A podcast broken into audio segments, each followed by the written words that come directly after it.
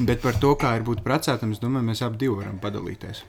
Jā, tikai man liekas, tev tās sajūtas ir tādas. Uh, Svaigāks es jau jūtu, labi, es neesmu ilgi precējies. Es precēju divus gadus, bet jau tā -hmm. sajūta, ka, ah, es jau esmu precēta ilgi, ka tur es tur jau, mm -hmm. es Mhm. toreiz laulības ostā.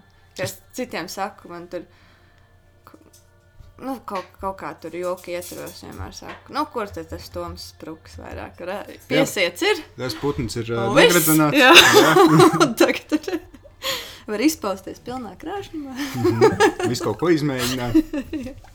Tev kaut kas mainījās, tad, kad tu apprecējies? Pilnīgi nekas īstenībā. Mm.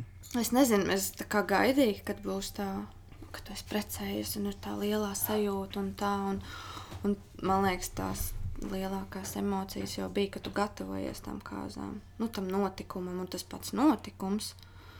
Un, nu, varbūt pēc tam bija vēl kaut kāda tāda eifórijas sajūta, bet ne ilgu laiku. Un, Godīgi sakot, pēc tam nē, jo man liekas, ja jau tu esi nobriedzis precēties, tad tu to cilvēku nu, tajā statusā redzi jau iepriekš, un tu kaut kā Mm. Tu to tā pieņem kā to, to, to mm. esības sajūtu un, uh, un viss. Un, un tā arī ir pēc tam. Ir vieglāk, kad aprecies. Man tā liekas. Kad, eh, nu, kad es smejoties, saku, jā, nu, kur viņš tagad spruks vairāk. Bet tā arī, man liekas, atkarīga kaut kāda. Es nezinu, vismaz man tā bija. Es jutos tā kā drošāk uzreiz.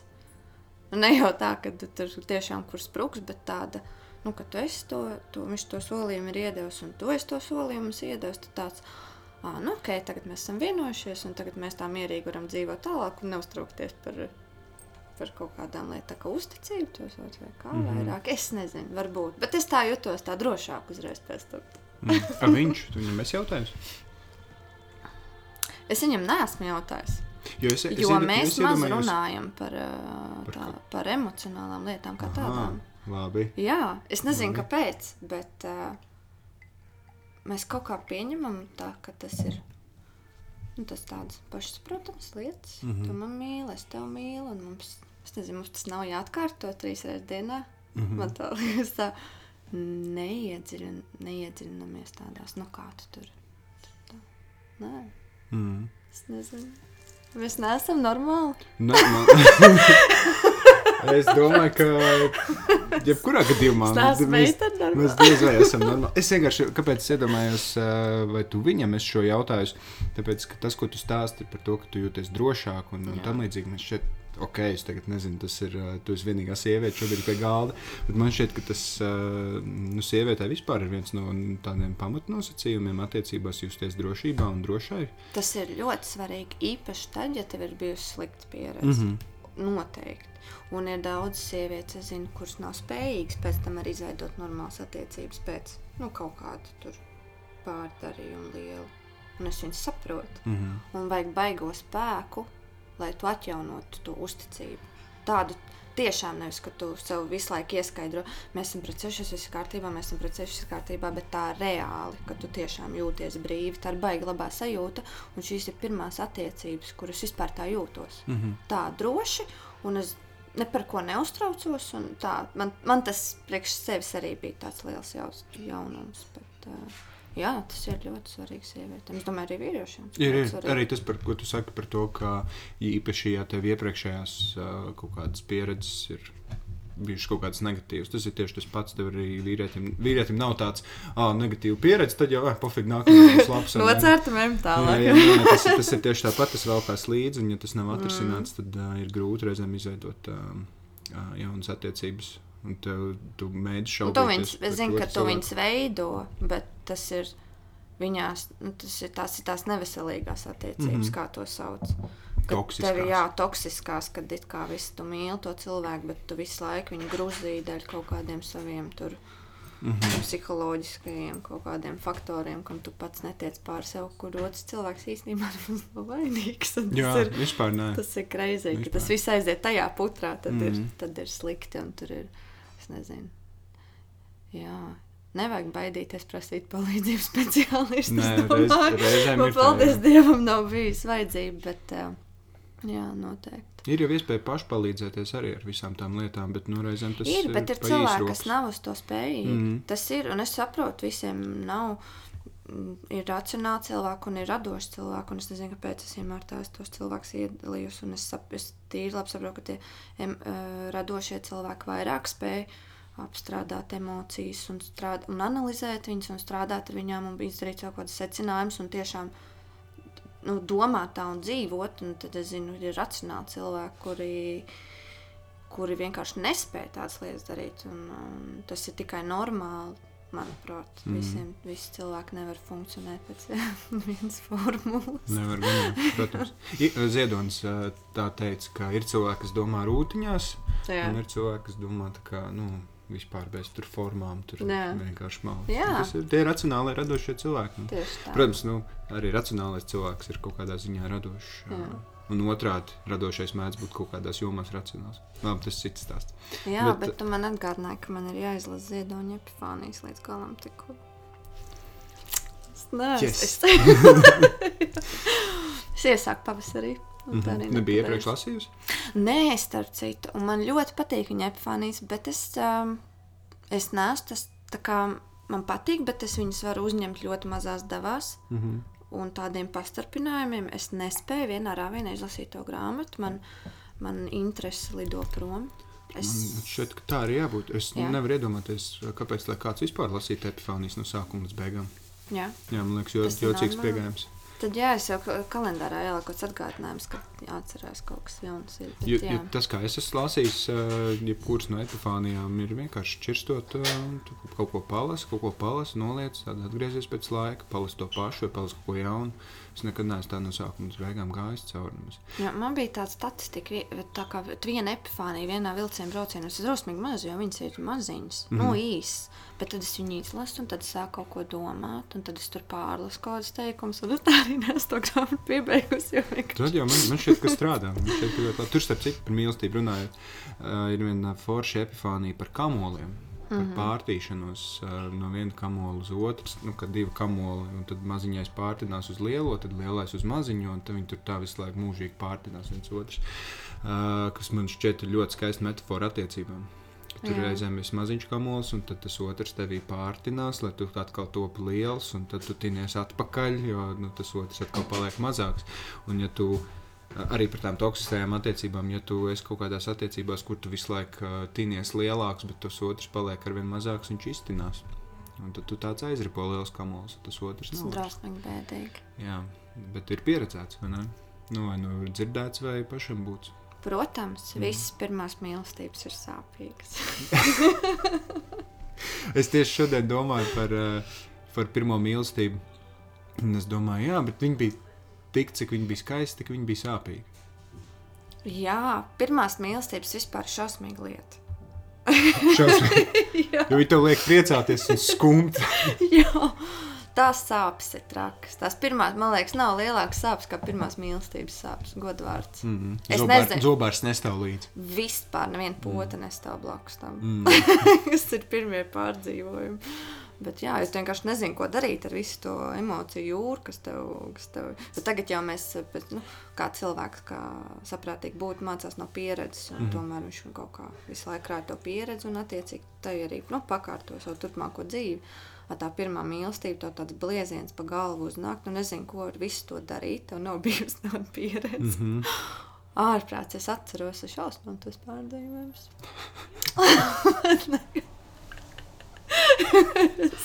Viss greizsirdības scēnas un. Uh, Protams, viss, viss amplitūda, emociju vispār. Bet tas ir forši, ka tu vari iziet visam cauri jau pirmajās, un pēc tam vienkārši atstrādāt nākamajās. Visu. Nu, tur jau pēc tam ir atstrādātie teikumi un darbības tieši tā. Jā. Tas, protams, ā, nemazina to teikumu darbību svaru, ā, nozīmi, bet, ā, ja to, ko teici pirmajā, to saka arī otrajā. Strādāju iepriekš. jā, jā, jā. Tas, tas, tas tā interesanti, ka mēs tā reizēm tam racionāli pieejam klāt. Mēs, mēs arī īsti nemākam atrast vienmēr jaunus vārdus, kā kaut ko pateikt. Tu taču arī Bet nav, nav jau īsti. jā. nav, bet visi mm. iet uz riņķi, visa dzīve iet lūpā. Mm. Manuprāt, Tā kā ir. pasaule griežās, un Tieši nav tā. variantu. Mēs Mēs restartējamies visu laiku. Mm. Lūpā. Tāds arī. Tad, kad uh, jūs uh, precējāties, nu, vai tad, kad jūs nolēmāt, ka jūs precēties, uh, tu atceries, kāpēc jūs to darījāt? Mēs, man liekas, vispār esam nest, nestandarts, kā cilvēki to izdarīja. Kāpēc? Kāpēc ir jājautā Tomam? Laikam jau bija iemīlējies tik ātri, un, un kāpēc viņš to darīja? Nu, samīlējās puika, nu. Mhm. Ar tu neko. Es neko sākumā. Mēs to nesarunājām. Tas bija. Mēs bijām kopā četrus mēnešus, kad viņš man bildināja. Mm -hmm. Un es uh, negaidīju. Es domāju, ka neviena meitene tik ātri negaidīja bildinājumu. Bet uh, viņš man dzimšanas dienā uzdāvināja biļetes uz Barcelonu. Mm -hmm. Un viņš paņēma Barcelonā arī bildinājumu. Nu, ko man bija teikt? Nu, jā, tu jau biji Barcelonā. Tur jau bija jātiek kaut kāds. Ļoti labi izsēmas. Principā nedod nemaz citu iespēju. Nē, nu, nē, labi, ka tā un ir forši. Un es īstenībā arī priecājos, ka mēs apprecējāmies uzreiz. Un tā, tās mūsu attiecības īstenībā ir sākušās ar to laulību. Man Mm. liekas, ka uh, tas varbūt nav arī tas sliktākais variants. Jo, ja tu vispār kāda starpība, ja tu to cilvēku mīli, un jums ir kontakts, un jums ir labi, kā, kāda starpība, cik ātri jūs apprecēties? Vai pēc desmit gadiem, vai pēc uh, četriem mēnešiem? Mm. Nu, tā, man liekas, tam īsti nav nozīmes. Bet tev tomēr nekas nemainījās. Tas tā ļoti ātri viss notika. Jā, es laikam neesmu tā romantiskākā meitene, kas analizē savas uh, attiecības. Tas tas racionālais tips. Ja? Es esmu tas racionālais. Es ne, jā, jā, vairāk es esmu tas racionālais. Un tomēr tips. pēc četru, mēne, četru mēnešu attiecībām, bildinājumam, jā, Jolo izklausās jēdzīgi. ir saprātīgi balstīts uz faktiem. Tieši skatījos automā kredītus. Starp citu, nesat skatījos, nav izdevīgi. Bet, uh, uh, nu, jā, nu, nu, tur tā arī uh, bija tā sajūta. Es ar viņu īstenībā jutos arī droši pirms tam. Tas, ko es teicu, ka tās ir pirmās attiecības, kuras jutos droši. Un pat pirms tam, lai arī tas laiks ir tikai tie četri mēneši vai kā. Bet, nu, bija tā sajūta, ir viegli, ir labi. Un, un kāpēc gan neprecēties? Nu, mm -hmm. Kāpēc gan ne? Es neesmu ticīgs, reliģisks cilvēks, kurš uzskata, ka tev ir jāprecās tikai vienreiz mūžā. Es nesaku, es gribu šķirties, bet tā idejiski mm -hmm. ir, ka tev ir jāprecās tikai vienreiz mūžā, un tur jādod sevi vienam cilvēkam līdz mūža beigām, un tas ir tik svēts un tāds, un tad tu tur. Es to es nezinu, kāpēc es to neuztveru tik romantiski, tik tā etīdiski. Man liekas, ja ar to cilvēku ir labi un forši, un kāpēc lai tu. Nu, tu neaprecētos. Un tā ir forša balīta, kāds. un, Kopdzīve. un kopdzīve, un viss. Un tas ir forši. un Kāpēc tā nedarīt? Un pat ja kādam nesanāk pēc tās pirmās reizes, nu nekas. Nu, tu atradīsi citu cilvēku un turēsi. Tur vēlreiz apprecēties. Nu, tas ir skaisti. Tie ir svētki. Kāpēc lai to nedarītu? Tāpēc Džiliņš precēs. vai? Tieši tā, jo baigi foršā balīta. Jā, tā tu balīt nedabū katru gadu. Nu, ja tu baigi Tev ir necenties. skaisti klēja. Tev atnāk visi tuvie. Mm -hmm. Viss ir priecīgi, viss ir ziedi, viss ir apkārt vēl tāda mīlestības, tāda, tāda, atmosfēra. Nu, Tas ir forši, mm. es to nedarīju. Bet, bet tu um, visu laiku ieliec to vadlīniju, ka tu esi tas uh, racionālais un ka tev nu, tur Un tu tad to- tas izdara kaut ko tādu. ja. Ne, nu, tas varbūt arī, bet, uh, bet nu, t- ka tu to tā neskaties, un tā, bet tāpat laikā tu piesauc mīlestību. Tu šobrīd nerunā par uh, uh, tādām sadzīviskām lietām. Nu, jā, mums vajadzēja apprecēties, lai mums tur kopdzīve būtu vieglāk un tā, lai varētu viss būt sakārtots. Tu pat taisno jau runā par mīlestību. Nu, jā, es jau nenoliedzu mīlestību. Mm -hmm. Tas ir mīlestība jau ir viss pamatā. Vispār mīlestība ir pamatā ne tikai attiecībām, bet arī vajadzētu būt pamatā tavam darbam, tam, kā tā, tavam apkārtējiem cilvēkam. Visam pamatā ir mīlestība. Mēs tā uzskatām, un arī tas pats gadījums ir šeit. Kad viss pamatā ir mīlestība, un tu precies tāpēc, ka tu mīli. Vismaz tā vajadzētu būt, kad precies. Ja nu vienīgi tu nebrauc uz Ameriku, iegūt zaļo kartu, tad, mm -hmm. tad, Ko mēs piedodam, jo kamēr bet tas ir ok. bet, eh, bet, jā, protams, racion, racionālisms jau neizslēdz eh, cilvēciskas sajūtas. Tādas, mm. manuprāt. Jā. Kas tev ir mīlestība? Kā tu skaidrot, kas tas ir? Es nezinu, kā to sajūtu izskaidrot. Tas ir, ja man tad jāizvēlās tāda īpašības vārda, tas ir komforts. Man liekas, arī komforts. Uh, komforts tādā ziņā, ka tu esi atradzis to cilvēku un tu ar viņu veidot, veidot to kopdzīvi. Un atzīsim, divi tā ir vieglāk nekā vienam.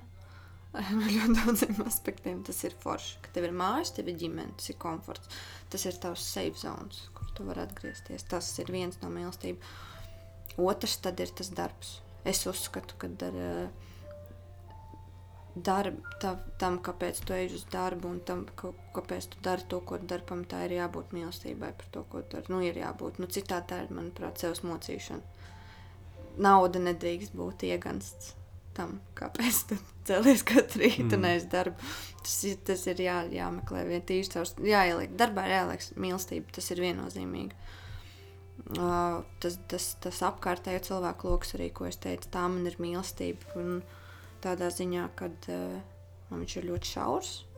Man vienmēr ir bijis ļoti šaurs cilvēku lokus, ko es turu sev klāt. Un, uh, tas arī ir mans viena, viena var likt klāt tam safe zonam. Un tur ir tikai cilvēki, kuriem es tajā varu pateikt, ka es tevi mīlu. Un uh, par pārējiem es pat rokas nesmērēju. Bet... Un Tā man ir mīlestība, un tad ir visi tie tā hobiji. Tā ir mīlestība. Noteikti kaut kāda pašizaugsme. Noteikti ir tā, tam ir jābūt. Man liekas, vispār, lai tu eksistētu, ir kaut kas. Es nezinu, varbūt visiem tā, bet man liekas, lai eksistētu, ir jārada. Es nevarētu citādāk iedomāties, varbūt pat savu eksistenci. Ir kaut kamā jāieguldās noteikti. Un tam ir jānāk caur mīlestību, es tā domāju. Jo citādi kāda jēga. Un kāda jēga? Tieši mm. tā, kāda jēga. Man šodien ar citu bija jāatbild uz citas intervijas jautājumiem. Un tur bija jautājums par, cik svarīgi tev dzīvē ir uh, sa, nu, izvirzīt kaut kādus mērķus un viņus sasniegt. Un tad es ar to pašu domāju. Kāda jēga ir dzīvot ar tādu mērķi? Nu, tāds, tāds, tas, tas tā, kas tas par jautājumu? Tas pats ir arī par, eh, par šo. Kāda jēga ir, eh, nu jā, kāda jēga dzīvot, ja tu nedari to, ko tu mīli? Es neesmu romantiska, es nemāku atbildēt ļoti epifāniski šodien jautājumu. Man šķiet, uh, kas man liekas interesanti, ka tu. Okay, es, es nezinu, varbūt šis nav gluži uh, šīs sarunas uh, mērķis, uh, saprast, kāda ir monēta. Bet man baigi interesanti. Pašam liekas, ka tu stāst par to, cik tas viss ir racionāli. Tu man liekas, arī strādā kaut kādā racionālā darbā. Jā. Ne? Man daudz cilvēku ir. Es nezinu, es kaut kad sev nesen biju noteikusi diagnozi, ka man ir personības dalīšanās. Ah, tad, ļoti- tad, tad, tad viss ir kārtībā.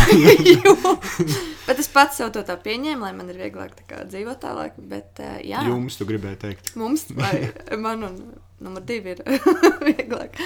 Bet, jā, es pati jūtos, ka es dzīvoju divas uh, dažādas dzīves. Mm. Ir, man ir ļoti stipra tā racionālā puse. Es strādāju valsts pārvaldē, es esmu IT projektu vadītāja. Tas ir ļoti birokrātisks darbs, un tas ir, ir sistēma, un tas ir režīm, rutīna, režīms, mm. viss tas, un tas, tas tev iegrožo. Vienkārši ieliek kaut kādos rāmjos, un tāpēc viņiem ir jāstrādā. Un, un trakākais ir tas, ka man tas patīk. Jā, man tas rīktīgi pat, man patīk, kad uh, es.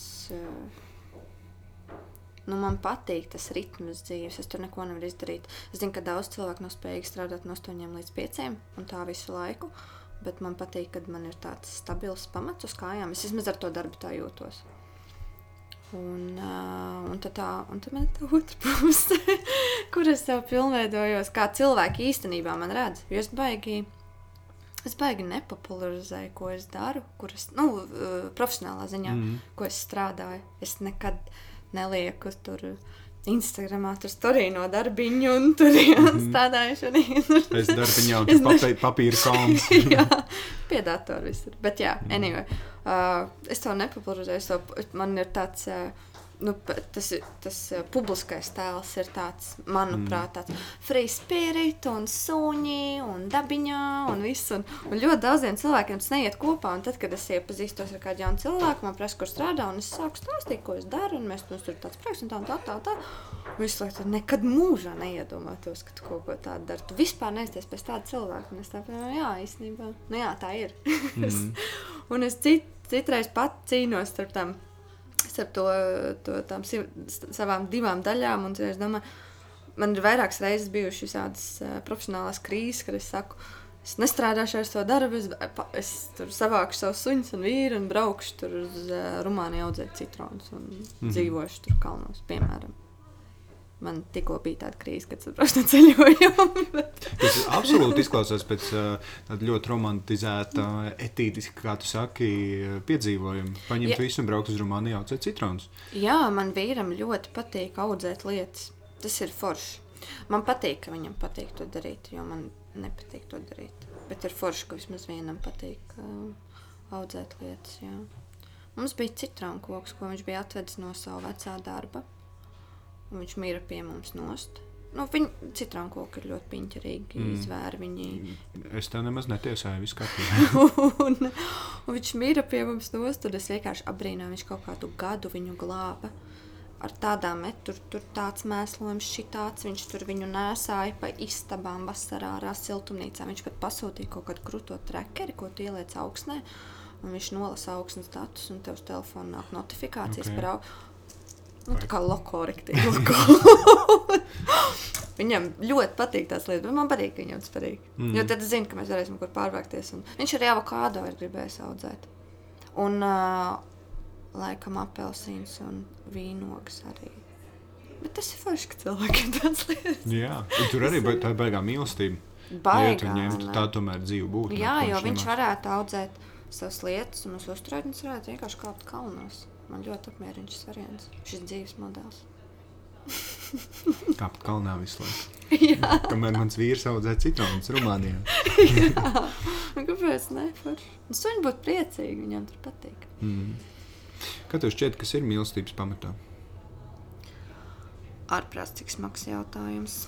Tieši staigāju, nācu šeit, klausījos. Tu vienu- zini atbildi šo jautājumu, kas ir mīlestības pamatā? Es tā vispār nezinu, kas vispār ir mīlestība. vispār, kas ir mīlestība, tāpēc es ar tevi runāju kā vienu no. Nav tā, ka es zinu, ka tu zini. Es zinu, ka mēs visi kaut kā kopā varam salikt to bildīt. Ārprāts. Nu, tur, ir, tur ir 101 atbildi.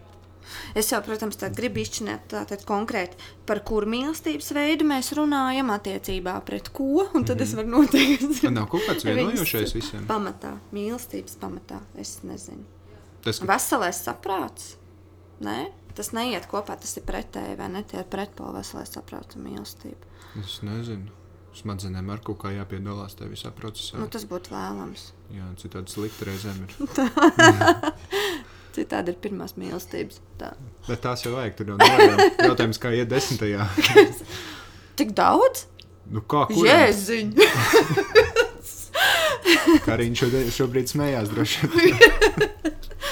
Desmitajā. Nē, mīlestības pamatā.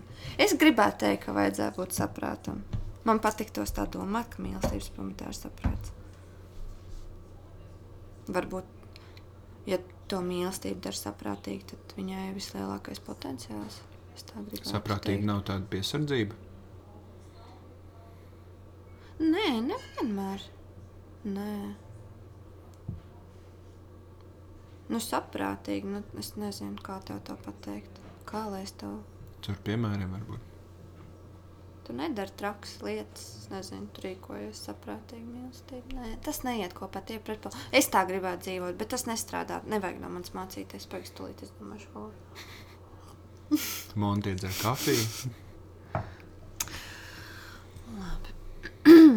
Mīlestības pamatā. Man ir jāpadomā par šo jautājumu. Man ir grūti, es nekad neesmu šķietinājis tās domas galvā. Es tiešām nekad mūžā neesmu domājis par Mm. tādām lietām. Es bišķiņu nākot pie tevis, gribēju padomāt par to, kas ir mīlestība un tā, un es varu nosaukt tikai tādas tā kā lietas. Nu, kas man reāli dzīvē ir. Bet, ja man ir jāsāk aprakstīt un jāsāk tagad analizēt, kas tajā mīlestībā slēpjas iekšā, man, es, es nesaprotu vispār. Es nezinu, tā ir. Tas tev ir svarīgi. Nē, es tīri labi iztieku arī bez šīs Ne, es pieļauju, ka tāpēc, jo, jo, jo, jo, ja tas tev būtu svarīgi, tad par to, ja tas jau tev būtu jau sen, tu to būtu izdomājis, pārdomājis, pārcelājis. Nu, varbūt, bet man viņi ir, un man viņi ir dzīvē. Godīgi, man liekas, ka man ir vienkārši tā kā nenormāli paveicies, cik daudz man ir tās mīlestības. Mm. Un es citreiz, es citreiz vīram prasu, es viņam saku, ka nu, man ir tur dzīvē tas notiek, tas notiek, tas notiek, un es viņam citreiz prasu. Es vispār nesaprotu, par ko es to visu esmu pelnījusi. Es tiešām dažreiz tas, tas nav egoisms vai kā, bet es tiešām dažreiz nesaprotu, par ko es esmu pelnījis visu to mīlestību, viss, kas man ir. Man liekas, tas tā, tas tā, nē, nu, paldies Dievam tā ir, bet, uh, jā, svarīgi ir dot arī to mīlestību. Es mēģinu, mēģinu to kultivēt daudz, kad ir, uh,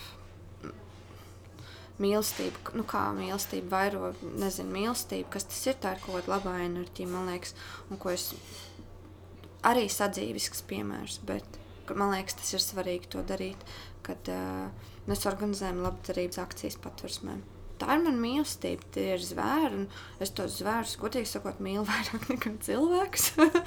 un man ir, un man ir tāda es esmu iestājusies Pasaules dabas fonda aizsardzībās, un visās, tas viss, kas saistīts ar zvēriem, lai viņus glābtu. Un tā ir tā man lielā mīlestība. Tas, ir man, tas ir viens no maniem hobijiem, pārpus tā man darba, tie ir tie mani suņi un visi pārējie suņi un visi citi zvēri. Un ir svarīgi palīdzēt, un ir svarīgi kaut kā vairot to, to, to labo. Un tā jau arī ir tā, un tas ir tavs dzinuls mīlestība, kāpēc tu tās lietas dari. Un man viņas Es nezinu, daudz cilvēku to nedara, man liekas, visiem to vajadzētu darīt. Vai es to daru, tāpēc ka man ir tik daudz tās mīlestības, es nezinu.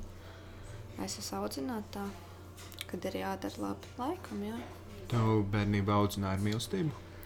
Nē, man bija ļoti grūta bērnība, bet man bija ļoti nepatīkama bērnība. Bet uh, man ir uh, ļoti laba mamma.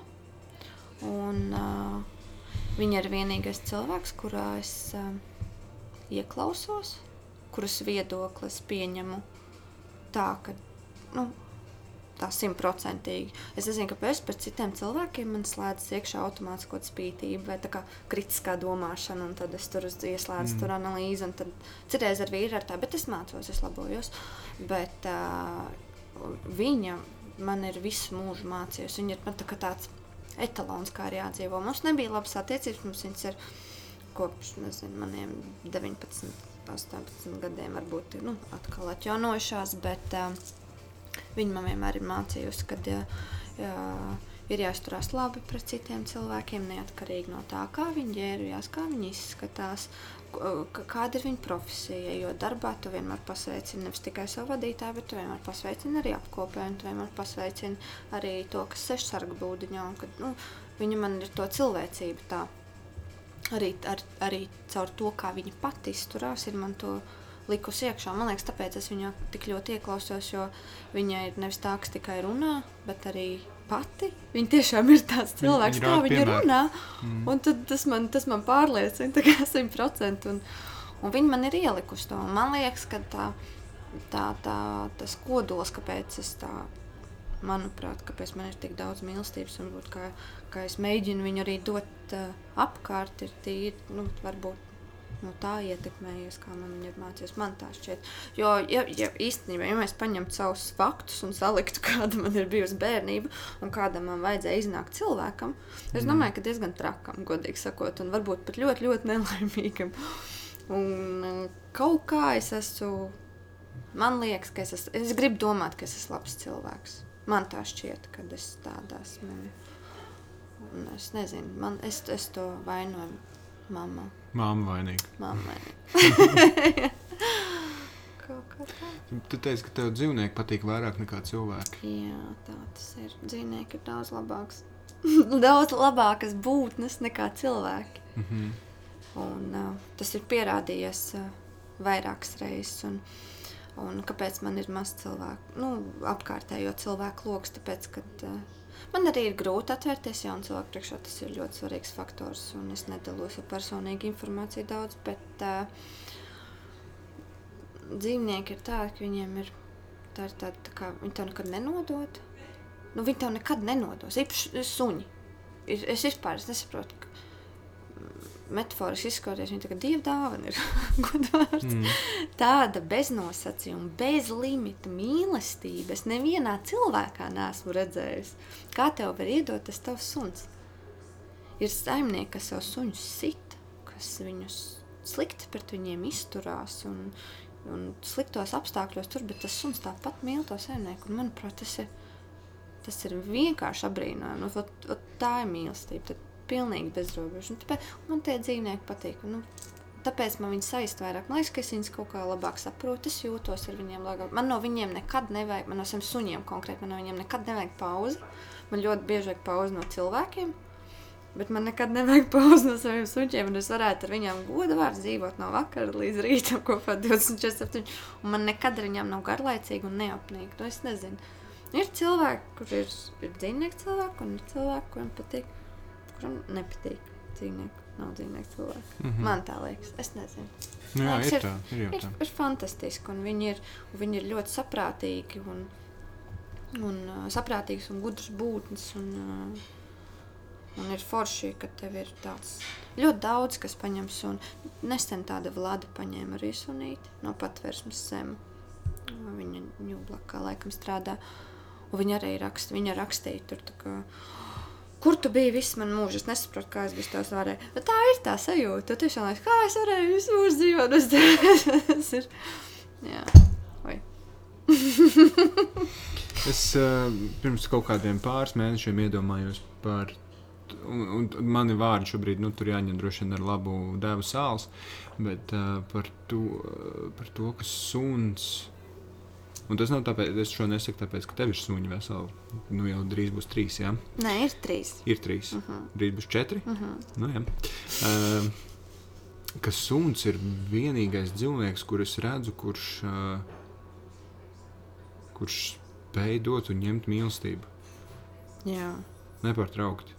Jā. Un es, un, jā, tev kaķis arī nāk klāt, un viņš tev pieglaužās, bet tad viņš vienā Kaķi ir patstāvīgi. Man ir bijuši kaķi pirms tam. Viņi ir ļoti patstāvīgi. Un, un uh, smieklīgi liekas iedalīt cilvēkus suņos un kaķos, bet man liekas, viņas tā arī var iedalīt. Tas ir pilnīgi normāli. Tiešām. Un, uh, Kaķi ir bijuši egoisti. Man patīk kaķi. Man patīk, man patīk arī cerēs tādu cilvēku. Nu, pastīties, kā, kā iznesās tāda cilvēka raksturiņa. Tas ir interesanti. un, bet es tāpat vienmēr atgrieztos mājās pie saviem suņiem. Jā, nu viņi ir. Viņi ir tādi bišķiņi egoisti. Viņiem nevajag tevi tik ļoti. Mm. Bet tāpēc tie suņi ir fantastiski. Kādam patīk ar to kaķi, kādam ir viegli. Viņš pats ir kaķis. Jau kaut kādā iepriekšējā dzīvē, es nezinu, bijis. Laikam. Jā, es biju suns, acīm redzot. jā. Bet kāpēc tev liekas, ka pēc suņi tā spēja dalīties ar mīlestību un, un tā uzņemt mīlestību, neraugoties uz neko un nekā? Es nezinu, kāpēc viņi ir tik lieliski. Nu, pirmkārt, mēs viņus esam doministi- domestificējuši. ja mēs skatāmies no zinātnīs Mhm. faktiem. Ja mēs ieslēdzam racionālu domāšanu, Ja mēs ieslēdzam racionālo domāšanu, viņi ir ļoti tendēti uz barību. Instinktīvs un ir predator, kurš ā, 24-7 meklē, kā dabūt barību, un mēs viņus esam pakļāvuši ar šo, ar šo ārējo faktoru barību. Un, ā, tāpēc arī viņi visu laiku sēž pie mums. Kāpēc viņi ir tik mīloši un kāpēc viņi ir tik uzticīgi, man nav ne mazākās nojausmas. Goda vārds, es nezinu, tā ir kaut kāda, tā kāda DNS ķīmija, kaut kāda kreizija, ko man liekas, par daudzos cilvēkos arī vajadzētu ielikt. tu kādreiz satiksi cilvēku, kas ir līdzīgāks sunim nekā mēs vispārējie. Gan jau. Kad tu redz, ka viņš arī mīl bez. Uh, Ne manā draugu lokā, bet. bet uh, mums ir daudz cilvēku, kur mīl un atļauj, ka viņiem dara pāri. Un tā ir tāda suņa īpašība. mm, Nu, daudz, es domāju, es personīgi šobrīd nepazīstu nevienu laikam tādu. Bet, uh, vai vismaz nezinu. nu, vismaz nezinu. Mm. Bet es zinu, ka nu, ir taču daudz cilvēku, kuri neatkarīgi no nekādiem faktoriem mīl un neiet prom. Lai arī kas notiks, Mm. slikts vai labs. Kā es saprotu, tā ir, ir kaut kāds. Psiho- Neatiecina to tikai uz sievietēm. bet arī, Nē, arī otrādi Ir arī strādā. otrādi, jā. Lai ko, mē, lai ko mēs runājam šobrīd pie galda, tas strādā abā, abos Jā. virzienos, jā, ja ne visos četros vai piecos. Tas, tas pavisam notiek tikpat ļoti, kā reizēm sievietes mēdz mīlēt, tikpat ļoti arī vīrieši mīl, un tikpat ļoti, cik sievietēm vajag to drošību, arī vīriešiem kaut kādā ziņā vajag to drošību. Protams, ka vajag viss. Ir. Man arī tajā šodienas intereses jautājumā bija tāds jautājums par kas ir sievišķība un uh, kāda ir sieviete. Nu, vienkārši tie jautājumi bija tik ļoti, kas man, man, es, man bija grūti uz viņiem sniegt atbildes, jo viņi bija tik ļoti sadalīti pa dzimumiem. Kādā kastē jau. Jā, un es nespēju sniegt, un viņa prasa, kas man ir sievišķība. Un saka, un vai tas ir sievišķīgi, kad man patīk uzkāpt uz ritenes un uh, braukt, nu, es braucu ar kalnu riteni un atgriezties mājās uh, no galvas līdz kājām, dubļiem. Vai tas ir sievišķīgi? Nē, nu, it kā nē. Tas ir vīrišķīgi, nu, arī it kā nē, jo es esmu sieviete. Nu, kas ir kas? Mm. Un man nepatīk iedalīt vispār kad besīja ārā, ka tos vīriešus pozicionē kā tādus akmens statujas, kuriem vispār nav sajūta, kuriem neko nevajag, kuriem nevajag uh, mīlestību, kuriem vajag tikai labi pelnīt naudu un būt pašpārliecinātiem un būt muskuļotiem. Un tur, nu, Viss tas bullshits, kas notiek man, tas, un arī tad, kad tu attiecini pret mani, Un es neuzskatu, ka es ļoti bieži esmu sievišķīga. Man liekas, tas ir vairāk kā ir tāds termins, angļuiski tomboja. Kad puici, mm -hmm. nu. Tomboja, puiciska tāda. Un, uh, tās atkal nav tās, ka, tās kategorizētās sieviešu lietas, un, bet vai tāpēc es neesmu sieviete un sievišķīga? Nu, nē, nu, un, jā, tāpēc visu var attiecināt gan uz vīriešiem. Bet pirmais, vienmēr, ko cilvēki dzird, ir, tu pa kaut ko runā, šis pa sievietes. Nē, tas, man tas ļoti, ļoti nepatīk, kad uh, tā cilvēki dara. Mm. Vīrieši ir ļoti jūtīgi. Un, Man liekas, vīriešiem ir arī jāmācās, ka tas ir ok, ka tev ir sajūtas, un par viņiem ir jārunā. Sajūtām ir jārunā. Un uh, par problēmām ir jārunā. Un nedrīkst jā, nolaist sevi. Es pieļauju, nu, no racionālās puses, domājot, ka tas ir kaut kādā veidā saistīts ar to, kas uh, noticis līdz šim. Uh, tā skaitā pagājušajā gadsimtā. Nu, notiek arī. Padu, padomījā un vispār Eiropā un visur citur Jā. pasaulē visādi kāri un viss kaut kas notiek. Un arī šobrīd tas, protams, notiek pie mums, šobrīd klusāk, protams, bet uh, tomēr. Un, uh, ja mēs, piemēram, ieliktu Nu, paiet 30 gadi, un tie vīrieši mums ir mainījušies tā, ka viņi tiešām runā par savām emocijām un tam līdzīgi, un jūtas labāk, un ir atvērtāk, un tad pienāk pēkšņi karš, un viņus vienkārši tajā nevar ielikt iekšā, tāpēc ka viņi, nu, viņi vairs nav dzīvnieki, viņi ir, Jā, viņi ir jā. nu, Nav cilvēks, viņi mašīnas. nav mašīnas vairs, jā, man liekas, ka tas velks līdzi kaut kā no tā visa, ka vīrietim ir jābūt tādam un sievietei jābūt tādai, jo kara apstākļos nav citu variantu, kā sievai jābūt mājās, jārūpējās, un vīram ir jābūt nu, tam, kas apgādā, tam, kas iet karā, un tam, un tas tīri racionāli, un vienkārši jau pa plauktiņiem mm. salikt, un tur tādas emocijas no vīriešiem vispār nav izdevīgas uh, nevienai pusē, ne sievai, ne tam, kam viņš karo, ne viņam pašam, un es domāju, ka tas nāk no turienes. Man arī tas liekas, protams, absolūti uh, greizi, bet nu, vienkārši pats fakts, kā karš un darīšana pāri citam, jau ir man šķiet absolūti greizi. Un, un, un tāpēc arī droši vien tas. Bet cilvēki par to runā, un tas ir labi. Starp citu, ir ļoti daudz Netflix, kas skaitās stand-upi, bet īstenībā tie stand-upi beigās izvēršas par tādu emocionālu monologu. Mm. -hmm. un, uh, Es, mēs ar tādu ļoti daudz skatāmies. un Viņš bija, piedod man, ka es tā saku, to, bet viņš bija tāds diezgan stereotipisks cilvēks, ka mēs iepazināmies. Un, uh, un mēs sākām vienkārši skatīties stand-ups. Es viņam rādīju stand-ups, kur runā par. Tas ir komisks, mm. -hmm. komisks variants, pēc tam Daniels Loss mm Mhm. -hmm. par sieviešu izvarošanu. Komēdija, bet beigās tevi iegruzīja. Un mm -hmm. tu sāc par to domāt. Visu. Un mēs skatījāmies arī pie viena austrāļu sieviete, kur ir pat lesbieta. Viņa stāstīja, kā viņai šis uh, LGBT viskustība Austrālijā notika. Un, un mēs skatāmies tādas stand-ups par gejiem, par lesbietēm, par, par to, par, kur arī runā vīrieši par visādām. Kaut arī vīrietis runā par izvarošanu, kurš to ir dzirdējis. Mm. Un ir ļoti daudz tādu tā sarunu, tādas tad, tad raidījumu, un es viņam visu to rādu un arī stāstu, ka tas ir ok. Un ir ok, kad uh, tev ir sajūta, un ir ok, ja tev patīk puiši, un uh, ir ok, ja tu esi ono, un ir ok, nu, tā kā, kā kas viņa skaitās, un no viņiem bija termins uh, nu, bezdzimts. Mm -hmm. Viņi, Anglijā šī kustība tagad ir sāk tiek popularizēta, ka tu esi bez dzimuma. Un, uh, es nezinu, es negribu pateikt, nepareizi vārdu. Bet jā, un ka tas viss ir ok, un uh, tas ir forši. Un cilvēki runā par to visu, un paldies Dievam, mums ir internets, un paldies Dievam, mums ir Netflix vai mm. YouTube vai jebkura cita platforma, kad jā, arī pieņemsim, mums joprojām uzspiež kaut kādas viedokļas par to, kādiem mums ir jābūt, bet cilvēki runā. Un uh, viņos klausās, un tas man liekas, tas ir tas uh, fantastiskais tajā 21. gadsimtā, ka mums ir tās iespējas, ka mums ir kaut kāda vied, cilvēku viedokļu līderi, es tā gribētu teikt. Mišela Obama, piemēram, mm. Beyoncé. Nu, tā kā visas šīs personības, kuras es pats skatos un klausos un iedvesmojos. Man liekas, tādā ziņā ir, ir, ir pozitīvs iezīmes. Man liekas, ka ir, ir labi un paliek ar vien labāk. Es tā vismaz nu, to saskatu.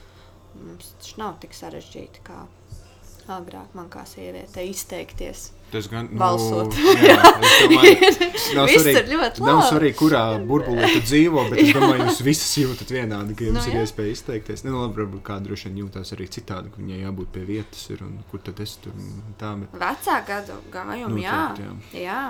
Man, pieņemsim, ir gadījums, es, es to izjūtu starp paudzēm, kad uh, es, eh, citreiz vecmāmiņai stāstu, kā man iet darbā un tā, un, un man, tur- saku, man tur darbā bija konflikts ar priekšnieku. Nu, tur par to un to un to. Kā tu tā, tu viņam tikai nerunā pretī, viņš tevi atlaidīs, tu, tu uzvedies kārtīgi. Un es, un es viņai mēģinu stāstīt, ka mūsdienās tā vairs nenotiek, ka darbinieki, darbiniekam ir tiesības uz savu viedokli, un viņš var par savu viedokli arī pastāvēt. Tas nenozīmē, ka viņi tūlīt atlaidīs. Tam nav pamata, to nedrīkst nemaz darīt. Mm. Un, uh, un, bet viņi nesaprot. Kā tas ir? Tev ir jābūt ar nu, noliektu galvu un tādu, nu, tā, tā. tā. Mm. Es saku, bet es taču arī esmu cilvēks, es taču drīkstu izteikties darbā, ja man kaut kas neapmierina. Es- Man taču nav jāpakļaujas tai kaut kādai uzstādītai mm. kārtībai. Nu, tā ideja, ka līmenī, ka tu, tu cilvēks vari runāt, un, un viņi nesaprot. Un viņi, viņi jau pati tā izturās. Tā ļoti tā pazemīgi, vai kā, mm. kā to teikt. Man liekas, tāds ir. Jaunie ir pilnīgi cita enerģija. Mēs neesam dzimuši tajā pasaulē, mēs esam pilnīgi citā pasaulē dzimuši. Mēs esam, es mūs saucu par vienroču paudzi, un tas citreiz ir slikti, jo mēs nezinām, kas ir darbs, un mēs neapzināmies ļoti daudz vispār vērtības. Es tā uzskatu, ka daudziem cilvēkiem jau gana pieaugušiem vēl nav izveidojusies tā savu vērtību sistēmu. Manuprāt, kādai viņai vajadzētu būt. Bet, eh, bet mēs esam tādi, nu, nu tieši tā, tā, tā, tā cerība paudze, tā vienkārši paudze, kur domā, ka viss ir iespējams, kur domā, ka viņi visi būs miljonāri. Kur... Mm. un visas tās kreizī lietas. Tas ir pozitīvi. Es tā domāju, ka ir baigi forši. Un tie, kas nāks tagad, es citreiz skatos, es, eh, man ļoti patīk vērot, eh, es nestos YouTube, bet eh, in, in, kaut kā Instagram, Facebook, es sakoju līdz kaut 14 gadīgiem, 12 gadīgiem. Un man reāli pat tā kā es domāju, es, saku, es fanoju par viņiem. Viņi ir tik tā kā free spirit, tas ir vienkārši wow. Man patīk, kā viņi ģērbjās, jo viņi visi ģērbjās, kā viņi grib. Viņiem ir pilnīgi vienalga, ko par viņiem domā. Es tā neatļāvos darīt. Es iekļāvos kaut kādās, eh, nu, tādās normās, mm. nu, kā skolā bija tur stils, jā, un viss tās to pašu. Viņiem ir pilnīgi vienalga, kas notiek, un man tas liekas tik fantastiski, ka cilvēki tā atļaujās, un ka viņiem, viņiem vispār neinteresē, ko par viņiem domā, tas ir baigi forši. Tas nozīmē, ka viņi arī izturās viens pret otru, viņi to pasauli redz citādāk. Tad, kad viņi prasīs normāli izteikties, viņi būs pieaugušāki. Man būs baigi interesanti paklausīties, ko Redzēt, tie ko cilvēki viņi domā. runās, jā, jā. Mhm. man tā liekas. Tas ā, ļoti man šķiet sasaucās ar, ā, kā man šķiet, viens no tiem mīlestības ā, pamatiem ir spēja pieņemt, pieņemt ā, citu un ā, netiesāt viņu. Tev ir un- tik ļoti taisnība, jā, kā es to nedomāju. Jā, tas, ka tu esi, nu, ka tu redzi dažādus cilvēkus, un nav svarīgi, vai viņi ir runo, vai viņi ir, ā, Jā. jā, vai, vai kas viņi Jā. ir. Un, un kamēr viņi ar tevi, pret tevi izturās ar cieņu, Tā ir tāda nesautīga mīlestība. Mm. Jā, tas ir jāiemācās. Bet tas ir, es nezinu, kā var vispār to iemācīt kādam. Ā, pie- tu- tu- Tev ir jāredz piemērs. Laikam, nu jā, tev jā. ir jāredz kaut kāds piemērs. Laikam, Tu par to, tā. protams, var runāt. Par to, protams, var stāstīt, un tu vari zināt to, bet tas nenozīmē, ka tu to iemācījies. Jā. Uh, un, ja tu to redzēji no nu, bērna kājas, jau kā piemēru, ja tā māma, kad redz, tas, ko tu stāsti mm. par savu māmu, tad viņa vienkārši deva piemēru. Absolūti. Mm. Jo viņa jau, protams, tev stāstīja, ka jābūt tādam un tādam, uh, un tas tev varēja arī paiet gar ausi, ja tu to nebūtu redzējusi kā īstu piemēru, kā tu saki, mm. ko viņa runāja, tāda viņa bija. Tieši Un- un- tā. un Tev tas- laikam vajag to idolu atrast. Tev Bet vajag, jebkuram jā. vajadzētu. Jā. Es vispār nekad neesmu sapratusi, kā tu vari. Nu, es nezinu, kāpēc, bet man tā vienmēr ir licies, kā tev var nepatikt, ko dara cits cilvēks, vai kā cits cilvēks izturās, vai, vai ko cits cilvēks mīl. Kā mm. tev tas var nepatikt? Tu Mm, taču neesi jā. pasaules centrs. Jā. Kā tu vispār vari nu, tā heitot? Mm. Es vispār nesaprotu, nesaprotu to domu gājienu. Es, es nekad neesmu sevi uztvērusi nu, nolikusi uz tāda piedestāla, ka es tagad atļautos kritizēt mm. citu cilvēku dzīves. Vispār nē. Es nu. neatceros, uh, zinu, zin, kas man šķiet interesanti. Es neatceros reizi savā dzīvē, kad es būtu YouTube nospiedis uh, īkšķīt uz leju. Es ar citus arī. Ne? man, man tā poga liekas bezjēdzīga. Uh, nevis man nepatīk, bet uh, man, tas vienkārši nav mans. Lai kas tur notika, tas nav mans. Man, man nav tā, ka man patīk. Bet tāpēc man arī. Tur ir tas, kas atver Instagram un visiem spēļ laiku. Nu, nē, es tādu es... oh, puķīt, laik, oh, saulīt, es, laik. zini, es, slīdu, es slīdu garām un priecājos, ja tur kādam kaut kas notiek, bet uh, man ātrāk ir nenospiest laiku un, un slīdēt garām. Jā. Es esmu tas cilvēks, jā, kas slīd garām vienkārši. Bet, ja es varētu es visiem saspiest laiku, ja, nu, ja būtu, es redzētu laiku jā. vērtību tajā. Man liekas, ka tie, ka mēs sakām, viņi domā, ka es esmu kaut kāds crazy stalker, jo es nolieku, man liekas, pilnīgi. uh, ir viens, uh, ir, ir viens draugs, kur tu arī noteikti pazīsti, bet vārdā mēs viņu nesauksim, uh, kurš uh, arī tiklīdz man ienāk, kad es ielieku kādu bildi, viņš to bildi ir nolaikojis. Un tas cilvēks nav cilvēks, kurš. Uh, kuram ir daudz brīvā laika, es domāju, yeah. un kā viņš tam visam spēj izsekot līdzi. Un man vienīgā atbilde ir, viņam noteikti ir kaut kāds robots uzlikts, kas vienkārši spiež visiem, kam viņš seko laikus. Bet varbūt arī nē, jo reizē viņš nenolaiko. À, nu, nē, tā nav. Tā nav. Jā, tā nav. Jau. Tā nav tad, ja viņš jā. pats arī var uzspiest, ka tu no tiem cilvēkiem, kuriem saņem notifikāciju, ka kaut ko ieliek. Man tāda mm. ir pāris. Mm -hmm. Es uzreiz kā ielieku, tā es savējos, es stalkoju kā traka. Es nestalkoju citus tik ļoti kā savus, savu ģimeni un draugus. it, kā, it kā nav tie cilvēki, kurus vajag stalkot, viņi vienkārši tā. Bet es viņus stalkoju. Nu, riktīgi skatos, jā, jā. Pareizi. Visas, neko nepaliek. Sa savējie jāmīlē. Man mamma arī, starp citu, vienmēr saka, viņa ir mans lielākais fans sociālajos tīklos. Viņa viena no pirmajām, kas nolieko visus manus Facebook postus, mm -hmm. ieraksta komentāru, nošēro. Instagramā viņa pat man suņu profilā ieraksta komentāru. Pēdējais bija vislabākais. Pilnīgi, pilnīgi nesaistīts komentārs par bildes saturu. Man suņi tur ir divi, mm. un tur ir cits akcents un apraksts ir par pilnīgi kaut ko citu. Nu, viņi vienkārši randomā ieraksta. Viņš kā Bāra un Mačiko ir cilvēki labākie draugi un desmit sirsnīgs un nu, tā ir pilnīgi mana mamma. Izklausās pēc pilnīgas mīlestības. Nu. Nu, tā, kā, nu, tā, tā, Māmas tā dara. Māmas, māmas tā dara. Man mamma arī tā mēdz darīt. Jā. Man mamma vispār ir sociālajos tīklos aktīvāk reizēm nekā es. Manai arī īstenībā.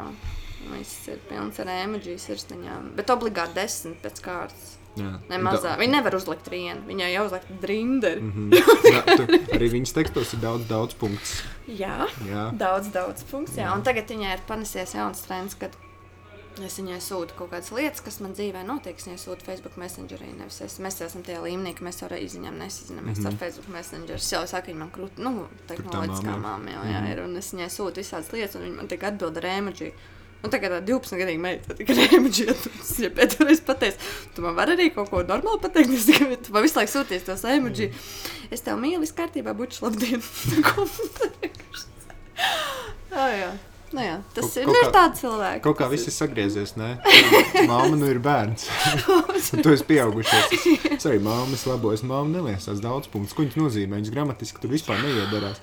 Jā, tās ir tās lietas, kuras tā raksta. Viņas tā raksta. Un es nesaprotu, es šitā Tie man šķiet ir, es skaidroju tos, kā tos, um, ka tu uzrakst, ka tu pasaki kaut ko. Jā Un šī ir tā pauze, ah, un tad es tās tālāk. Un, lai tu sajustu to pauzi, ir tas da daudz punkts. Jā. Un tā, tas ir kaut kāda valoda, kas visus tos tā, vecās, tās, vecākās jā, paudzes kaut kā vieno. Jo viņas jau no mammas jau nav vienīgās, kas tā raksta.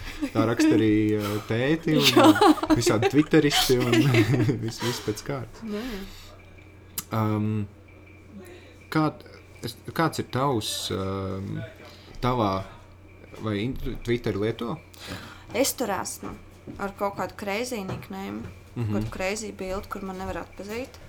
Un es tur ieju reizi nedēļā. mm -hmm. okay, tu, tu, tu, teiksim, ka tu tur esi. Vai, kā tu redzi uh, savā Instagram, Twitter vai Facebook feedā, cik uh, nu, tu to nevar izmērīt, bet uh, sajust noteikti var, vai mīlestība ir daudz, vai mīlestība ir jūtama tavā burbulī? Ir jūtama, bet es nezinu, vai viņa ir reāla. Man nedaudz es nezinu, kā es neticu tam sociālo tīklu tēlam tik ļoti. Kā... Ir jau, mēs jau runājam par. Nē, īstenībā, zin kā viļņaini.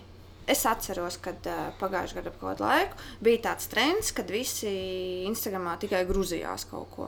Kaut kādas tur visiem bija depresija vienā brīdī. Mm -hmm. Neatceries, bija, es nezinu, nesaukšu vārdos, bet, si, labi, zini, kā manas sieviešu feeds atšķirās no tava feed. Noteikti, tu Ah, varbūt šī informācija bija palaidis. Man ir ļoti daudz arī māmiņas, tur viss notiek. Jā. Nu, jā, un, un bija kaut kāda liela, lielā depresija, viņa sauc, kas bija uznākusi. Mm. Tur, tur viss. Lielā grūzījās. Instagram depresija. Lielā 2018. Nesen bija lielā detoksa depresija. Nesen visiem bija detoks trends, sociāli tiek detoks, kas man vispār liekas normāls smieklīgs. Mm -hmm. Izpausme kā tāda, bet... Uh, Un tagad tā kā viss ir pozitīvi. Nu, ir jau tā mīlestība, nu, viss jau taisa to tēlu, labu un skaistu. Un vismaz manā tajā, tas ir mans klasters, tas ir mans tas burbulis, mm -hmm. sociālo tīklu. Es nezinu, varbūt citiem notiek kaut kas cits, bet vai viņš ir reāls, to es nezinu. Man liekas, ka tas mans Instagrams ir pilns ar mīlestību un reāls, tāpēc, ka tur ir tie suņi. Un, man liekas, tas ir tik īsti. Un, Mm -hmm. un viņi ir īsti, un tās mūsu emocijas ir īstas. Man liekas, tas, nu, tas tā ir. Un visi zina, ka es esmu traks un tant, un es to neslēpu. Mm. Un, man liekas, tad, bet vai citiem grūti tā spriest? Jaunās māmiņas ir mīlestības. Rebeka ir tāda. Rebeka no piparmētra. Tas ir viens no mīlošākajiem profiliem īstenībā, kur var, ja tev kādreiz paliek skumīgi, var, var atvērt taļā viņas profilu. un Tur ir viņai nesen bērniņš piedzima, un tas ir skaisti. Un viss, kā viņa raksta. Un, un tur es jūtu īstu mīlestību. Tiešām, ka viņa raksta, es pilnīgi sajūtu, jā, šis cilvēks runā ar sirdi, nevis ar, nu, ar smadzenēm arī, bet nu, ar sirdi primāri. Un tad ir tāda, kas man liekas, kaut ko dara tikai tāpēc, ka tas ir tagad tā dara. Mm -hmm. Tas ir tas pats ekvivalents tai depresijai, kad viens viedokļu līderis ierakstīja, ka ir šī depresija tāda, šī tāda, otrs viedokļu līderis ierakstīja, un tad goda vārds. Pēkšņi vienkārši uzrādījās cilvēkiem apkārt depresiju, un es nesaprotu, ko es esmu nokavējis, kur to depresiju dalīju. Mm. Nu, kā, kas notika? Kad depresija paliks stilīga, Kad viņi paliks stilīgi, un kā es viņu varu dabūt? tad tu raksti komentāros, kur es varu dabūt. jā, kur viņi var nopirkt. Un, un bija tā, un uh, jā, bet tagad Mm. ir jau ir. Man liekas, Insta Instagramā kaut kā, vismaz savā feedā, es uh, mazāk to jūtu, bet, piemēram, Twitterī šeit tad ieeju, un es nezinu, kā es attopos uh, kaut kādā pilnīgā naida burbulī. Es nelasu arī. Man godīgi sakot, nav laika tam Twitterim. Mm. Man ir maksimāli laiks Instagramam, bet es viņā nesēžu pa dienu, jo man ir ļoti aizpildīts darbs. Bet mm. uh, Twitterim totāli nav laika un vispār nesaist. Es arī tāpēc atsakoju visiem ziņu portāliem, un es neskatos YouTube video citu. Es ļoti atvainojos, ka tas ir trendīgi, un es nekad nelasu tos komentārus. un Es, nekad, es, ne, es vairāk neiesaistos vispār nekādos internetu kašķos, jo man tas liekas, vispār lieka, bet tas ir jādara. Mm. Cilvēki strīdās par viedokli. Kā tu to vari izmērīt? Kurš ir pareizais? Mums ir filozofi, kas ir saka, ka neko nevar noliegt, neko nevar apstiprināt. kā tu vispār, kā tu vari strīdēties par domām tā mm. reāli?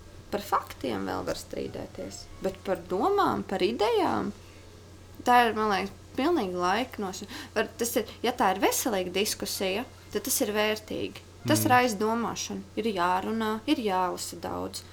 Tad, nu, tas tev palīdz kustināt to motoriņu. Bet strīdēties par to un pateikt, ka tas ir sūds, tāpēc, ka es domāju, ka citādāk ir labāk, es nezinu. Nav jēga tie iesaistīties. Mm. Nevajag to darīt. Nevajag, nevajag celt varbūt kaut kādu savu to krutuma līmeni, tāpēc, ka tu tur uzbrauci krutāk nekā tas, un viņi tev saspied laiku uz tavu tvītu, un tev ir visvairāk retvītu, un tagad tu esi pirmais čels rajonā. Un tas ir muļķīgi. Tā ir kaut kāda stulba pašapliecināšanās, es tā uzskatu, kam pamatā varētu būt kaut kas bišķiņ psiholoģiski smagāks, Mm. kaut kāda nepie... Kaut kas nep- nav piepildīts. Nav, kaut kas nav piepildīts, Mm. man liekas, tam cilvēkam, kuram ir nepieciešams tas. Mm. Mm. Um, man vienmēr licies interesanti es piekrītu, ka nekas jau nav apstiprināts, bet nekas jau arī tāpat laikā nav noliegts. Jā. Un dienas beigās, kas tas zina, kā ir. Un zeme ir plakana, izrādās, un, un ir ne? plakaņa, jā. Un zini, kas ir? Es, ne, es, tev, es tev godīgi pateikšu, es nevaru tev nedz ap- apstiprināt, nedz noliegt, jo es neesmu redzējis zemi. Es izskatās. gaidu to ekspedīciju uz pasaules malu. Un tad, kad viņi aizies, vai arī kurš reperis mums gribēja uzšaut kosmosā to savu personīgo kaut kādu zondu. Un, Jā? Jā, nevis nasas, bet nu, kaut kādu savu. Labi. Elonas Masks, man liekas, arī Ilons Masks, jā, bet Kaut viņš- kas viņš tur- reperis. Nē, reperis sadar, sadarbībā ar no Ā. Elonas Maskam ir, Elona Maskam ir iz- iespējas. Viņam ir Jā. iespējas to izdarīt. Diez vai reperis nav šaubu savu pagalmu, viņš šos taisnība. Bet, uh. Un tad, kad viņi aizies, tie, un, bija, un vēl bija ekspedīcija, un tad, kad viņi aizies ekspedīcijā, un tas man parādīs to nogriezto maltu, es ticēšu. Mm. Jā, vajag Bet, tik pierādīt. tā, bet, bet līdz tam es nestrīdos. Mm. Es neieju kašķos par to. Bet, tu, piemēram, ja mēs, uh, mēs iepriekš runājām par to, ka pieņemšana ir ļoti svarīga padarīšana, spēja Jā. pieņemt uh, otru.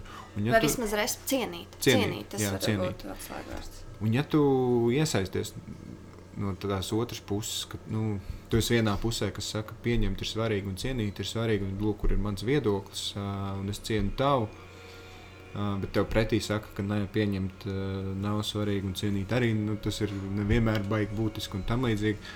Un, ja mēs atceramies, ka nekas jau nav apstiprināts, nekas nav noliegts, kā lai es zinu, ka es esmu pareizajā pusē. Nu, neko, tad vienkārši dzīvo kā mēģi. Teiks, to nepieņem neko sev. bet, ar tādu, nu, nav, nu, nav vienkārši neiesaistamies diskusijās ar tādiem cilvēkiem. Mm. Tev gabals nenokritīs, ja tu tajā brīdī nepier, nu, tā kā neizdari, nepierādīsi savu taisnību. Mm. Vajag domāt primāri par sevi, par savu labklājību. Nevajag vispār skatīties, kā citi cilvēki dzīvo, vai ko viņi par tevi saka, vai domā. Tā nevajag darīt. Ir sevi arī jāmīl, tomēr. Mm. Nevis tikai. Es pieļauju, ka tu mīli sevi. Jā. Tā ir bijis vienmēr. Uh, nu, nē. Mm. Nu, kurš sev mīl tī, tīneģeru vecumā? Neviens. Tad ir stilīgi grūzīties. Tad ir stilīgi grūzīties. Tad tev ir ļoti daudz kompleksu. Manuprāt, ka tīneģeru vecumā ir ļoti daudz kompleksu. Vismaz mūsu laikos noteikti tā bija. Bija goda vārds, visas meitenes, lielā mums bija. Tas bija tiešām meitenēm tāds komplekss, tā ir vairs par tiem kompleksiem. Tagad tas ir body pozitīvi pārvērties, bet agrāk tie bija kompleksi un ļoti daudzām bija. Un arī man bija entie, protams, kas tur neiekļāvās nu, tajos visos standartos. Un Tad es, protams, sev nemīlēju, bet tas ir tāds process.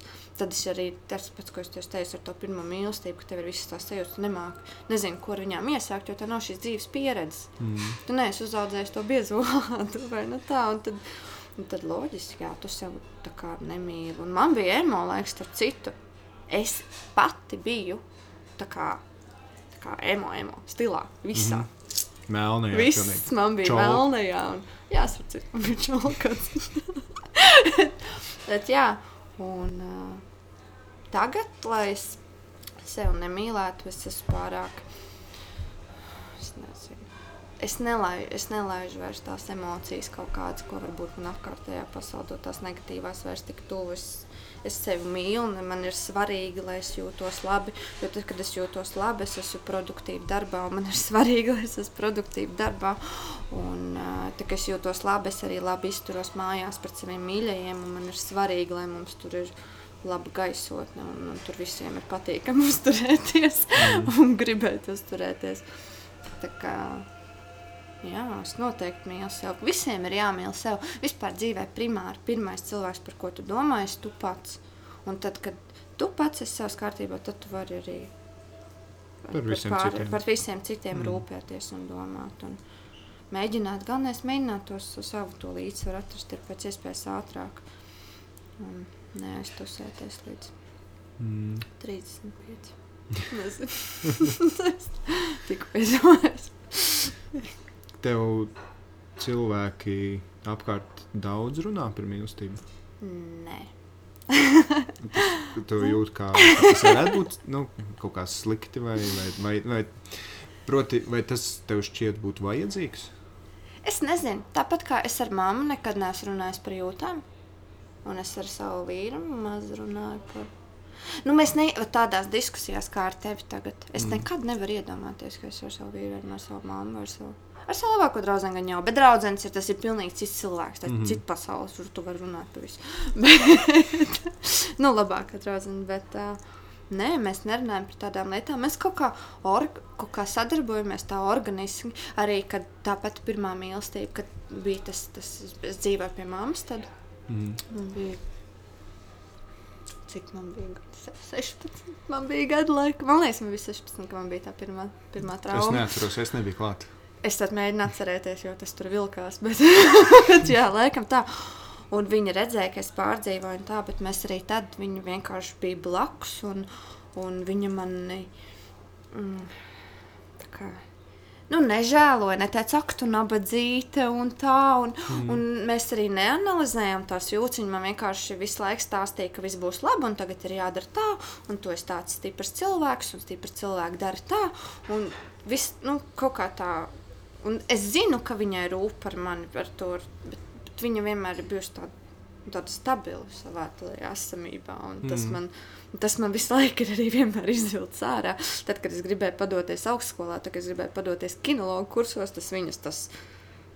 Viņam, piemēram, mammai saka, es nevaru izdarīt to. Viņa saka, tev ir jāizdara visu. Un es tā, ok, un tad es eju un izdaru visu. Nu, kā, mm. tas, ir, tas ir tik organiski, tik vienkārši. Un, uh, Un mēs nekad nerunājam par tādām. Es vienkārši zinu, ka viņa man mīl, jo viņa tā izturās. Jo, jo viņa man nemīl, tā neizturās. Mēs ar mammu esam kaut kad, eh, man bija starp citu gadi, kaut kādi, man liekas, 15, 16. Un es mammai zvanīju. Kaut, kaut kas bija noticis, es neatceros, kas. Un es, es par, šo, par, šo, par šo tēmu, par mammu, par mīlestību un par ģimeni tā aizdomājos. Un es tā mammai, es zvanīju, es tā saku, klausies, tu mīli man vispār, tu man reiz neesi teikusi. Un tagad, protams, loģiski, ka es tā mīlu. Tā, oh, nu jā, loģiski. Un viss. Un kā ar to bija gan. Un, un mēs, nu jā, tā mēs. Tāpat kā ar vīru, es neapmainos ar es tevi mīlu visu laiku, un ar mammas nevaru, es tevi mīlu, jo tā ir. Tas tā, tas, mm. tā mīlestība ir, un tu viņu jūti caur to. Tas, nu, es nezinu, kā to izskaidrot, to organiski viņu jūti. Un viss. Es nezinu. Mīlestībā vienkārši ir ļoti daudz valodas jā, pierakstītas ir piecas. Um, ja? šķiet, jā, bet, uh, bet es domāju, ka droši vien ir vairāk. Un, un uh, viena no tām ir caur vārdiem, jā. viena no tām ir caur, caur darbiem, rūpēm. Jā. Caur dāvanām, lai cik tas varētu arī šķist muļķīgi. Nu, kādam, kāpēc? Ka, Varbūt kāds tā, tikai tā saprot. tā, nu, kāds tā saprot, kāds tā runā. Un, un, un, viņš ir vērts tad grāmatu mīlestības valodas. Tur var vairāk par viņām palasīt. Ļoti mm. interesanti, jo tas ir. Tas nav, nu, protams, Kas tas ir sarakstījis. Nepateikšu, bet es varu tev aizsūtīt pēc tam. Aizsūt, uh, un uh, tā vienkārši ir tas, kā jūs izrādat to mīlestību. Jā. Ne caur vārdiem. Nu, tas neciet, tur arī ir tā atbilde. Tas nepadara, Praktiskie tas, cilvēki. Tas nepadara, uh, tieši tā. Jo, es, jo mēs, piemēram, viens otram sakam, ka mēs mīlam. Un, un, un es nezinu, cik daudz reizes dienā mēs to pasakām. Un tas nāk viegli. Es to arī jums vēl ir tas. Jums kādu periodišu um, bet mēs, mēs to sakām, es nezinu, cik mēs ilgi. Mēs esam ilgi kopā, nu neesam ilgi kopā. Nē, jūs esat, jūs apprecēties tā kā sabiedrībā pēc pieņemta laika. Pēc, normāli. Pūkstens diviem gadiem. jā, tā var precēties, var precēties. jā, ir ok. Jo mēs, mēs ikdienā ar to tik daudz apmainamies, mēs nezinām, cik daudz. Bet jums tas tā ir iegājis, bet jums jā. tas ir normāli, jā, un tas arī ir ok. Mm. Un tas tas nav slikti. Jā, jā, jā, tas ir kā es jūtu. Un, uh, un es arī, piemēram, es savai mammai arī nesaku, es viņu mīlu, un viņa man arī nē. Bet, bet jūs mēs, to zināt. Mēs to zinām. Un jā, tur nav variantu, jo variantu. vecākiem tur dari, ko gribi, ja mm. tā vecāku. Tu, mm. Un tiem tu taču neaizbēgsi no savas sievas vai no vīra. Tas tie to vienmēr. Tie putni. Nu. jā. jā, tā ir. Nu, tas, tas, tas vienkārši tas nav nenormāli, nenormāli. Tas vienkārši viens no veidiem, kā mīlestība ir. Kā viņai būt un kā viņai gribās būt. Laikam. Un, uh, ja viņai tā patīk, kāpēc viņa tāda nebūtu? Bet tas ir skaisti arī. Tas ir jā, ok. Protams. Jā. Tas ir ok. To, vā, to tos vārdus nevar novazāt. Man tā šķiet. Mm. Nu, tādā, ja tu saki pareizam cilvēkam, mm -hmm. jo tu viņus mētā nu, pa labi. Kaut gan, nu, kāpēc es jau ar draugiem saku, es tev mīlu, vai es mīlu šo dienu, vai es mīlu to vietu. Nu, jā, es, nu, labi, bet es neuzskatu, ka tā ir novazāta. Man liekas, tā vārdu nevar novazāt. Mm -hmm. Ja tu tiešām viņu saki no sirds, tad Tu viņu pateikt miljonus reizes, ja viņš nu, viņam jau nezūd vērtība. Domā, ka tu kādreiz esi mīlis, saki, nenosirds. Nu, kaut kad gan jau es pateicu, maziņi. nu, noteikti es pateicu. Nu, ja mēs runājam par attiecībām, nu, gan jau. Es domāju, ka jā. Kad es esmu teikusi viņu, un varbūt neesmu sapratusi, ko es ar tiem vārdiem gribu īsti pateikt. Vai, Nu, tur Kas tu jūti, ko tu gribi pateikt. vai arī es jūtu, vai arī varbūt tā mīlestība nav, nu, viņa nav viennozīmīga, varbūt. Un, uh, tu vari viņus dažādos veidos. Saviem draugiem saka, ka es viņus mīlu. Un tā arī ir mīlestība. Es tiešām viņus Nē. mīlu. Un es saviem suņiem saku, ka es viņus mīlu. Un es gribu domāt, ka viņi arī man to saka. Mm. Mm. Bet tā jau nav tāda, tāda mīlestība, kā man ir pret mammu, vai tāda mīlestība, kāda man ir pret vīru. Mm. Tas ir citādi. Man šķiet, ka tas vispār, ka tu esi mīl katram cilvēkam, pat ja, pat ja tev ir uh, divi, divi suņi, ja, trīs suņi, četri suņi, tu katram sunim saki, es tevi mīlu, bet tu katram saki pilnīgi citādi. Jā. Katram ir cits, tev ir, katram uz, uh, varbūt ir kopīgi iemesli, kāpēc tu savus suņus visus mīli, bet varbūt katram ir kaut kāda atsevišķa, es tevi mīlu. Un, ja tu meklētu, kāpēc, tad tu atrast, katram vēl ir savi kaut kādi nākotnē. Jā, ir mīļākie un ir, ir mm. mazāk mīļākie. Tas ir normāli. Tas ir normāli. bet Tā, tā, tā, Tā arī ir. ar Bet tu- bērniem. Jā, Ko vecāks ar citu neatzīst, kuriem ir vairāk bērnu. ir grūti. Simt punktu Tas viņiem ir- mīl es, vairāk. domāju, es, es, es šobrīd nevaru nekādā veidā asociēties ar to. Tev nav brāļmās? Ah, man, man ir brālis, bet man nav bērni. À, nu Ā, tādā ziņā. Ah, nu ok, tu nevari uz sevis tīri Es pārbaudīt. nevaru, es nevaru pārbaudīt šobrīd, vismaz, kā, kā, kā tas ir, bet es pieļauju, ka tas vienkārši ir ļoti sāpīgi. Bet mēs aizmirstam, ka bērni arī ir tikai cilvēki. Un, uh, Bet tā ir. Tu Man ar suņiem tā ir. Es zinu, ka manam vīram tas mūsu jaunākais suns nu, patīk. Viņš vairāk nekā otrais. Nu, viņš ar viņu tur čuči, puķi, puķi, puķi, un arī ar pārējiem. Bet nu, es redzu, ka viņam kontakts ir labāks. Nu, es zinu, ka man ar to sunu numuru divi ir labāks kontakts nekā Mm. sunu numuru trīs. Arī. Nu, tā ir. nu, mēs ir. nu jā, nu, tas ir divi. Tāpat jau tu divas- visus mīli. Tieši Nu, kur tā. tu, tu liksies? Jā, Jā, jā, jā. Bet, nu, ir kaut kas. Ir- Mīlestība nav sacensība, ne? Nē, Laikam. nevajadzētu tā būt. Jā. Tā nevajadzētu būt. Būtu sāpīgi, ja būtu. Jā. Tad ar tiem bērniem būtu grūti. Ja, ja, pie- ja mīlestības sacensība, tad tiem, kas sacenšas, ir grūti. Man Jā. šķiet, ja bērniem diviem jācīnās par to, kurš tad ir mīļākais savam vecākam, liekas, ka tas ir stulbi. Jā, bet tā ir vecāka problēma. Es uzskatu, ka tā nav. Ja viņi ir viņi ir radījuši tādus apstākļus, kāpēc mm. bērni tā jūtas. Viņi ir uztaisījuši mīlestības hipodromu. jā- tas ir uh, laba grāmata, kā būt vadošajam vilkam ģimenē. Mhm. Un tur ir par to mīlestības vadīta ģimene. Un tur bija par to, ka, ja tev ienāk vēl viens bērns ģimenē, un pēc tam pirmais paliek greizsirdīgs, kāpēc tas tā ir. Tā nav bērnu vaina. Tā ir tava kā vecāku kļūda. Tu esi kaut ko izdarījis. Kaut, tu esi radījis šos apstākļus. Un tu esi radījis tos apstākļus, kāpēc viņš jūtas mazāk mīlēts. Un tā nekad nav bērnu vaina. Bērni tāpat kā dzīvnieki, tu nevari arī sunu sodīt par kaut kādiem nedarbiem. Jo Un tā ir. Tā, ir tava, tā nav suņa vaina, ka viņš sagrauž tos apavus. Tā ir tava vaina, ka tu tos apavus nenoņēmi nost. Tu viņus atstāji pieejamus, un tu aizgāji prom. Un tu nedrīkst sunu sodīt par to, ka viņš tos apavus sagrauž. Jo sun, suņa loģika darbojas vienkārši. Viņš redz, ka tu nes mājās, tu tos apavus neizmanto. Un es viņus kādu brīdi Mm. ar viņiem kaut ko padarīšu, ja, un tu atnāksi, tu varēsi viņus lietot tālāk.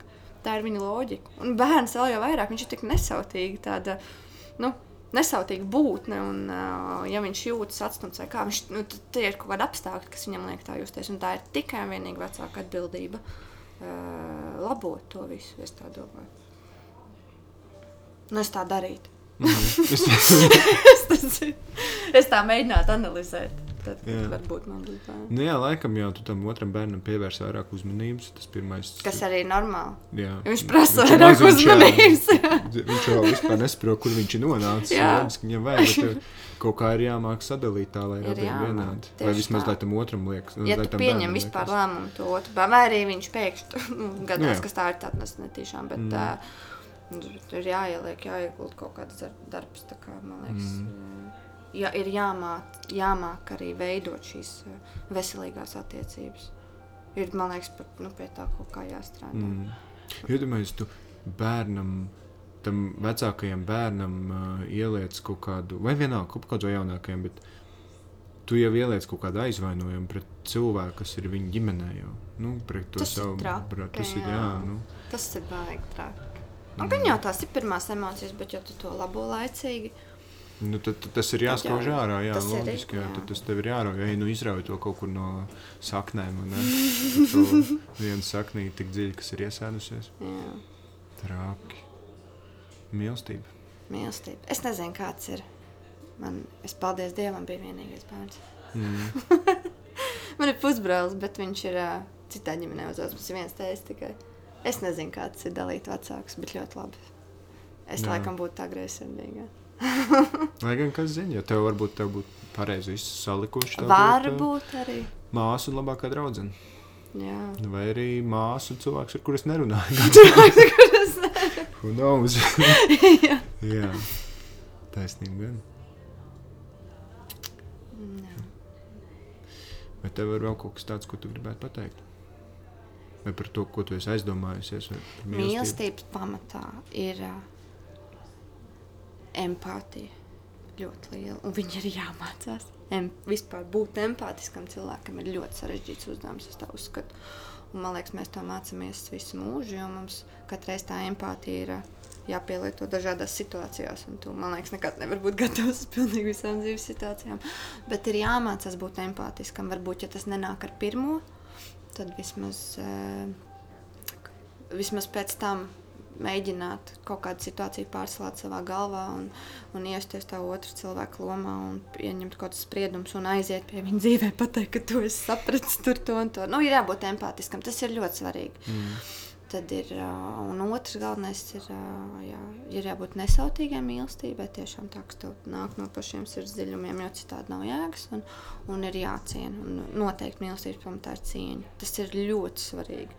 Tu nedrīkst tev, es uzskatu, ka tev kā cilvēkam nav tiesības nekad citam cilvēkam likt justies mazsvarīgam vai slikti. Tu ne, nedrīkst tā darīt. Tā ir vienkārši jābūt labam un bez variantiem. Tu, tu nekad nedrīksti būt tik augstās domās par sevi vai tik egoistisks. Tu vari domāt, ka tu drīksti likt justies citam cilvēkam slikti. Tā nedrīkst darīt. Tas ir zemiski. Un tāpēc ir jāciena. Ir jāciena un ir, ir jāpieņem, ka cilvēki ir dažādi un ka viņi izvēlas dzīvot dažādi. Un tā ir tā mīlestība. Un, un tā mīlestība ir jāvēro. Un par to un ar, tieši tā, un ar to, kā tu izturies, ir jārāda piemērs citiem, kā, kā vajadzētu darīt. Es tā, tā es tā domāju. Tā es tā domāju, tā es tā. Tā es tā es domāju tikko. Nu, redz kā, skaisti. Jā. Paldies tev! Paldies!